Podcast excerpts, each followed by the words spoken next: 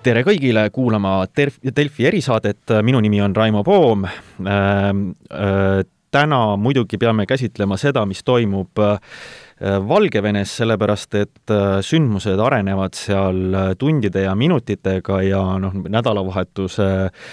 suurte demonstratsioonide järel on täna toimunud terve rida äh, terve rida väga märgilisi sündmuseid ja mul on väga hea meel, et äh, stuudios on äh, kolleeg äh, Päevalehe ja Delfi välistoimetusest Kaarel Kressa, tervist! tervist! ja samuti on meil liinil äh, muidugi mees, kes samuti ka Valgevene, Valgevenele kaasa elab, Valgevene sündmustele kaasa elab äh,, kolleeg Krister Paris Arvamustoimetuselt, tervist! tere päevast! Ja tegelikult läheks selle asja juurde, et võib-olla teeks väikese, väikese ülevaate, et mis asjad on täna juhtunud ähm, ja, ja, ja võib-olla jõuaks siis äh, selleni, et, et, et no, väga tahaks küsida, kas Lukašenka äh, lõpp on käes, et ähm, Kaarel, ähm, kas, äh, kas ja mida lugeda sellest, et, et veel eile sai Lukašenka esineda Minskis, ütleme siis oma kohale toodud äh, pooldajate, makstud pooldajate ees, äh, kes siis noh, pidasid vastu tema kõne, aga täna kohtudes äh, täpsusta, kus, kus tehases see oli, inimesed jah, Minski traktoritehase filiaalis, kus tehakse suuri sõjaväeautosid. ja seal inimesed vilistasid ta välja, hüüdsid uh, uhadi ehk siis uh, mine minema um, kui märgiliseks seda tuleb pidada? no ikka Lukašenkale tuli see nagu näost näha, oli selge üllatusena, sest ilmselt eile paarituhandesel meeleavaldusel oli publik oluliselt paremini valitud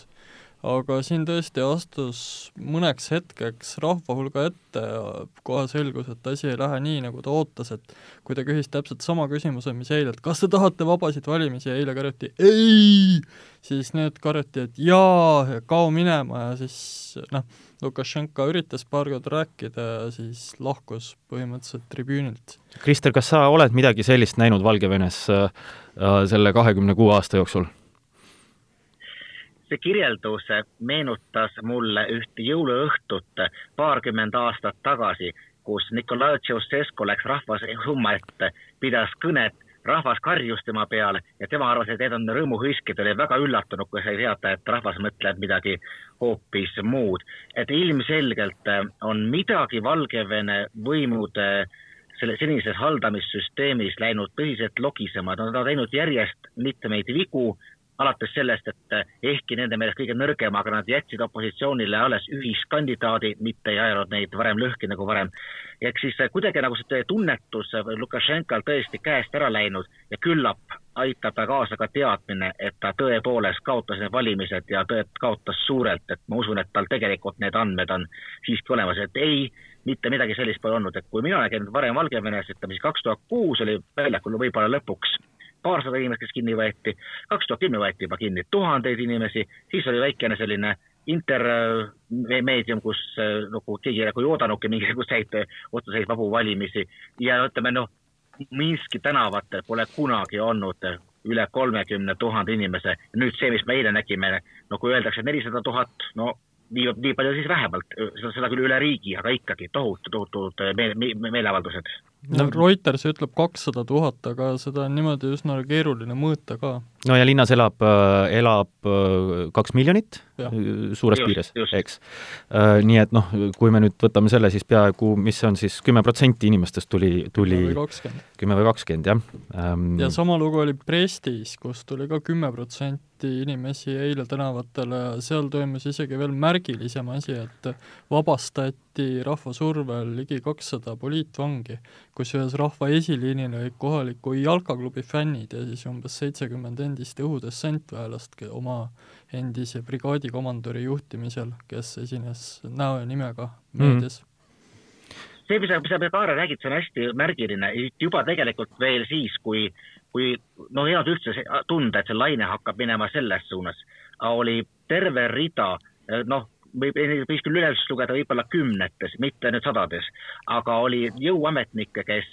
viskasid oma mundrid seljast, viskasid oma märgid prügikasti ja tegid sellest videosid ja siis postitasid Valgevenele. ehk siis ta näitab, et, et mingisugused südametunnistuse äh, võrsed on olemas äh, kõikides ühiskonna struktuurides, peaaegu, vaata kas Ammonis on seda ma küll ei tea. kui veel pöördehetkedest rääkida, siis minu jaoks oli see eelmisel reedel või neljapäeval, kui ma lugesin, et üks nendest politseinikest, kes oli ameti maha pannud avalikult, siis talle kohe esitati kriminaalsüüdistus et protestide õhutamine seitseteist aastat vanglast ja nii edasi, ja siis kohus käskis ta vabastada. see oli ka niisugune vau wow. Mm. Äh, väga palju on täna, jah, Krister ka mainis äh,, toodud võrdlust just selle kaheksakümne üheksanda aasta Bukaresti ja Ceausescuga äh,. noh, võrdlus ei piirdu ainult sellega, et inimesed karjusid, äh, et, et mine ära, vaid ka sellest, et, et Lukašenko sõitis kohale ja sõitis seejärel kiiresti minema helikopteriga Ähm, aga, aga siiamaani on ta väidetavalt elus, kuid äh, kui ma nüüd loen õigesti viimaseid, ähm, viimaseid äh, teateid, siis ma saan aru, äh, Lukašenka on kas teinud siis nagu pakkumise avalikult võimu jagada mingiks uueks põhiseaduseks ja palunud, et, et talle veel antaks üks-kaks aastat, et noh, siis annab võimu üle no see on juba päris desperatiivne. noh, kui, kas, kas, no mina küll vaatan sellest, et, et sellel mehel on lõpp ikka väga lähedal, ükski diktaator, kes juba palub mingisugust väikest pikendust või, või aega, et midagi teha, no see, see ei ennusta, et ta väga pikalt isegi usuks seal ametis püsivat nii ta on, et ilmselgelt nii-öelda noh, ingliskeelne sõna momentum, kogu see laine praegu läheb ühes suunas. aga kui ma räägin kas või oma tuttavatega Valgevenes, siis nad iseenesest nad kardavad seda. Nad kardavad seda, et nad tunnetavad, et võit on käes ja seda enneaegselt. ja kui tõesti hakkab Lukašenka ütlema, et no kuulge, aga et ärge kõigutage paati, aga noh, ma olen tõesti valmis minema, ma ei tea, kas või pakub, ma ei tea, Andrus Ansipi varianti, et ma lähen ära paari aasta pärast. Ja siis juba hakkavad sellised läbirääkimised, siis tuleb opositsioonil kerkivad erinevad liidrid, nad lähevad tülli. Ja kokkuvõttes tuleb selline suur ja paks segadus, kusjuures noh, ta võib päädida Lukašenka äraminekuga, aga ei tule selliste selget vahetegemist minevikuga, aga mis on kõige tähtsam jah, ikkagi see pigem see režiim jääb alles ja seal on veel palju aspekte, on üks no näiteks see, et kellele ta tegi selle ettepaneku, et kas sa tegid selle Tsihhanovskajale või nendele traktoristidele või kellega ta üldse räägib, et kellega ta hakkab võimu jagama enda arvates? ja ega ta seda nii, et ta jäi nagu kummäraseks, ütles, et ei noh, et ma võin ka kuidagi nagu siis, ma ei pea olema niimoodi ainu-, ühesõnaga see oli selline, eh, ta, ma ei ole kindel, kui hästi see nüüd oli tema poolt läbi mõeldud. aga noh, teine asi muidugi on see, et ega, ega rahvas saab sellest aru eh, ja, ja no pigem võib-olla hetkel tunnetatakse isegi teatud eufooriat ja, ja tahetakse minna edasi lõpule. kolmas aspekt muidugi, me ei saa kuidagi ikkagi unustada need seda vähemalt seitset tuhandet inimest, kes on nüüd viimastel päevadel kinni võetud ja keda vanglas piinatud ja et mingi hetk noh, on, on, tuleb see kohtumõistmispäev ka, kus režiimi praegustel käsilastel on, on mida karta ja paljuski võib sõltuda sellest, mida nemad arvavad situatsioonist ja kuidas nemad kavatsevad käituda enda naha päästmiseks aga kas äh, siin noh, teiselt poolt äh, siis äh, opositsioonikandidaadiks olnud äh, Svetlana Tšihhanovskaja äh, teeb avaldusi Leedust ja, ja ütleb, et on valmis äh, nii-öelda võimuvastutust kandma uute valimiste korraldamiseks. et äh, on see, on see võimalik, et, et ta siis äh, triumfaalselt na-, naaseb lähiajal äh, siis ma ei tea, mingisuguses võimupositsioonis Valgevenesse, mis te arvate? No esiteks peab selleks olema vastavad tingimused, esi-, noh, Lukašenka peab olema kõrvaldatud ja Tsihhanovskajal peab olema ohutu saabuda, muidu ei paista küll, et keegi talle pretensioone esitaks opositsiooni ridadest ja miks peakski, sest ta esimene lubadus on vabastada poliitvangid, teine lubadus on korraldada valimised ja kolmas on tagasi astuda ja mitte uuesti kandideerida ka mm. -hmm. ega hästi palju sõltub, et kui palju ikkagi nagu praegu reaalselt sellised käsuahelad endiselt toimivad, et kui palju, hetkel pole kahtlustki, et hetkel ikkagi piirivalve tänasel päeval Äh,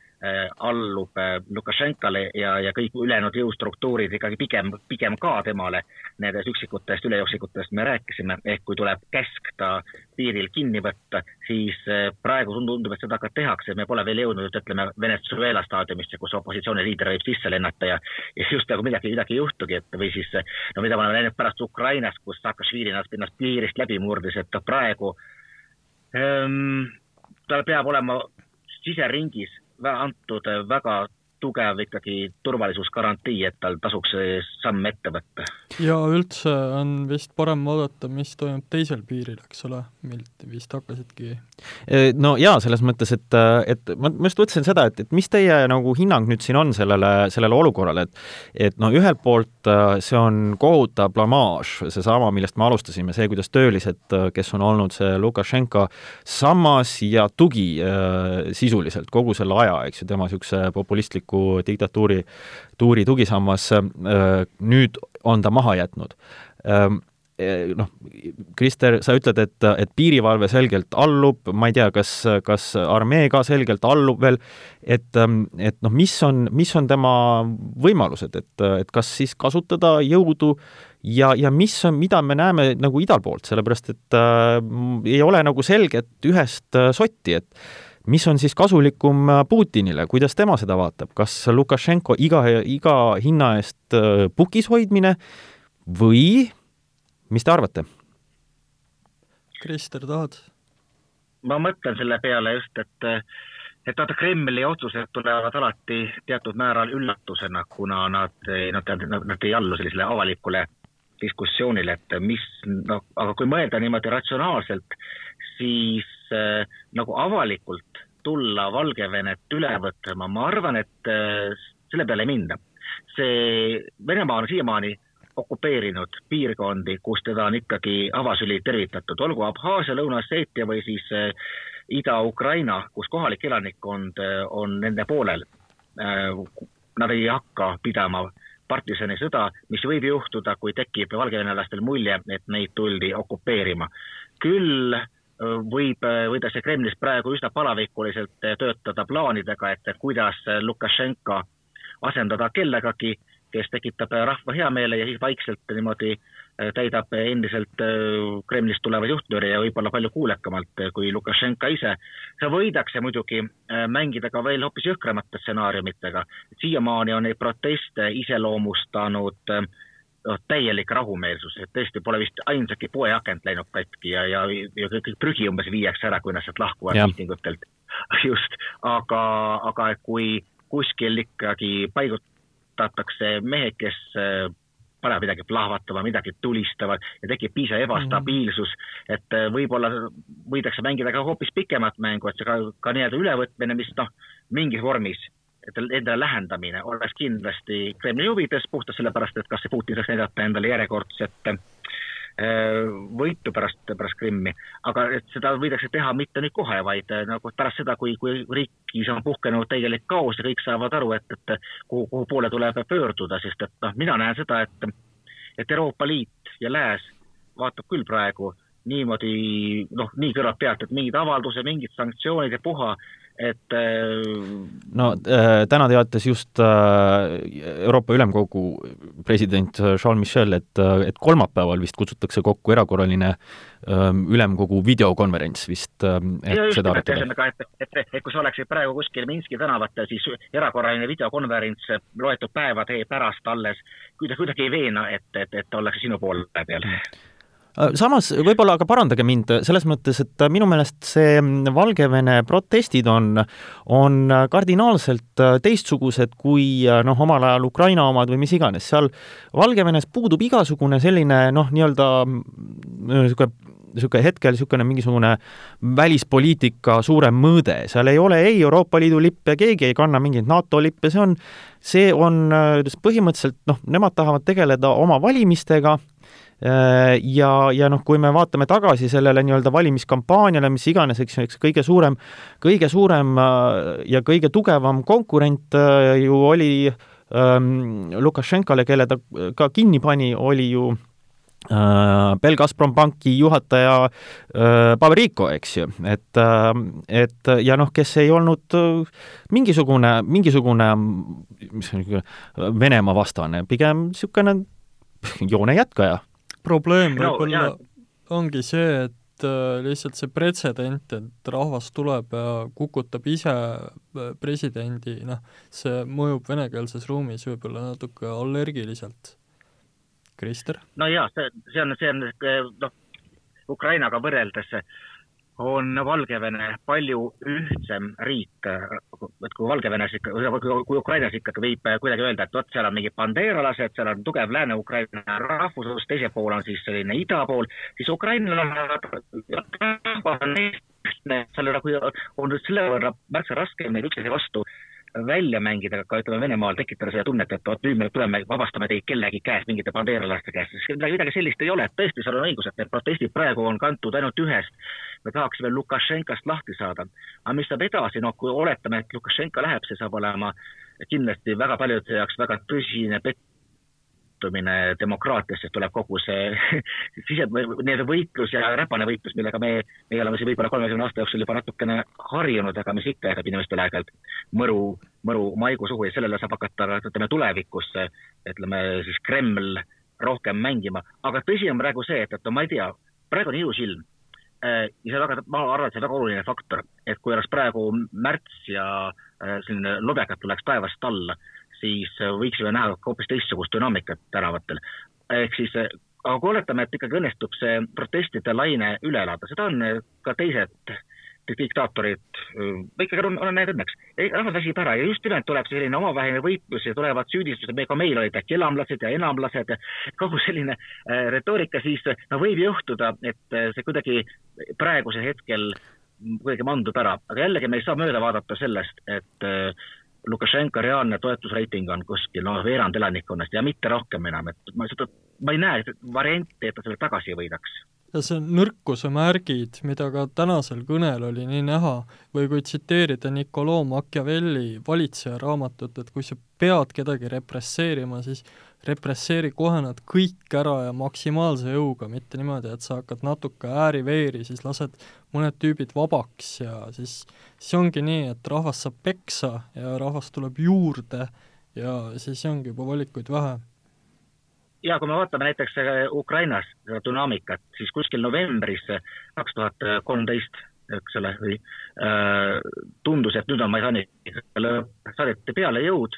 ja nad ei saanud hakkama. Ja siis hakkas tulema rahvast juurde ja siis oligi nii-öelda lõpu algusega, tegelikult ega Lukašenka proovis, ta kasutas tõesti maksimaalset jõudu, niisuguseid repressioone pole ka ja, varem nähtud. no oleks pidanud tanke kasutama siis. Kaarel, Kaarel, Kaarel tahab väga nõunikuks saada seal ette olemata, äh, ta, ma kardan, et ta kahtleb oma sõdurite suutlikkuses omaenda inimesi tulistada. -hmm. ja nüüd veel eriti, et kui nüüd anda see käsk, siis nüüd vist äh, seda ei täidetaks, et võib pakkuda, et äkki nädal tagasi oleks veel täidetud mm. või noh, mingi suurem tõenäosus. nii, aga teeme ühe kiire ennustuse, et äh, mis see, mis see võimalus on, siis äh, Krister on rääkinud siin, et et võib-olla ikkagi rahvas väsib ja, ja ikkagi saab, saab Lukašenko omavahel kõik tülli ajada ja nii edasi, et et ähm, mis nüüd, ähm, mis nüüd on, on on tal äh, lõpp lähedal või äh, kestab veel tükk aega äh,, Kaarel? mina väidaks, et lõpp on lähedal, kui Venemaa appi ei tule pärast eelmise nädala lõpu sündmusi, aga see prognoos võibki kähku aeguda, sest sotsiaalmeedias levivad juba kinnitamata väited Venemaal liikuvatest mingisugustest väidetavatest rahvuskaardi kolonnidest, kinnitatud need tõesti ei ole, aga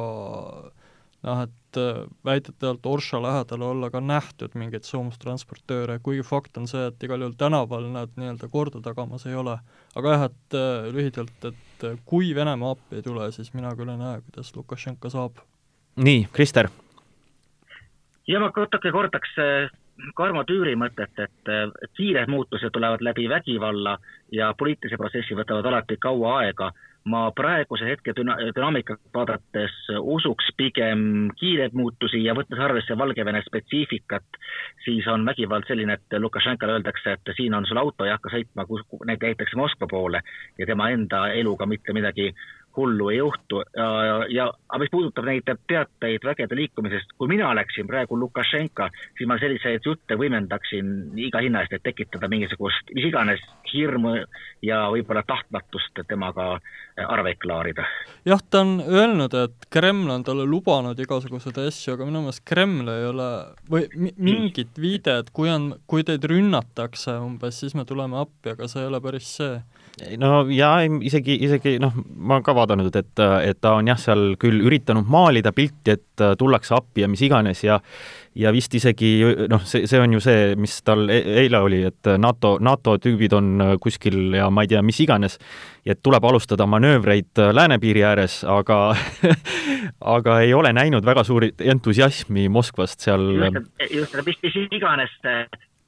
ma ei tea, kui aktiivselt praegu Kreml mõtleb või kui aktiivsete meetmete peale seal, aga üks on kindel, no, no ma kujutan ette, kui mõnuga Putin vaatab seda, kuidas praegu Lukašenkat tema enda rahvast praetakse. Äh, seda kindlasti, aga ühesõnaga äh, jälgime edasi, äh, mis Valgevenes toimub. aitäh, Kaarel Kressa ja Krister Paris. Ja Delfi erisaade hoiab samuti asjadel silma pealt, aitäh kõigile kuulamast!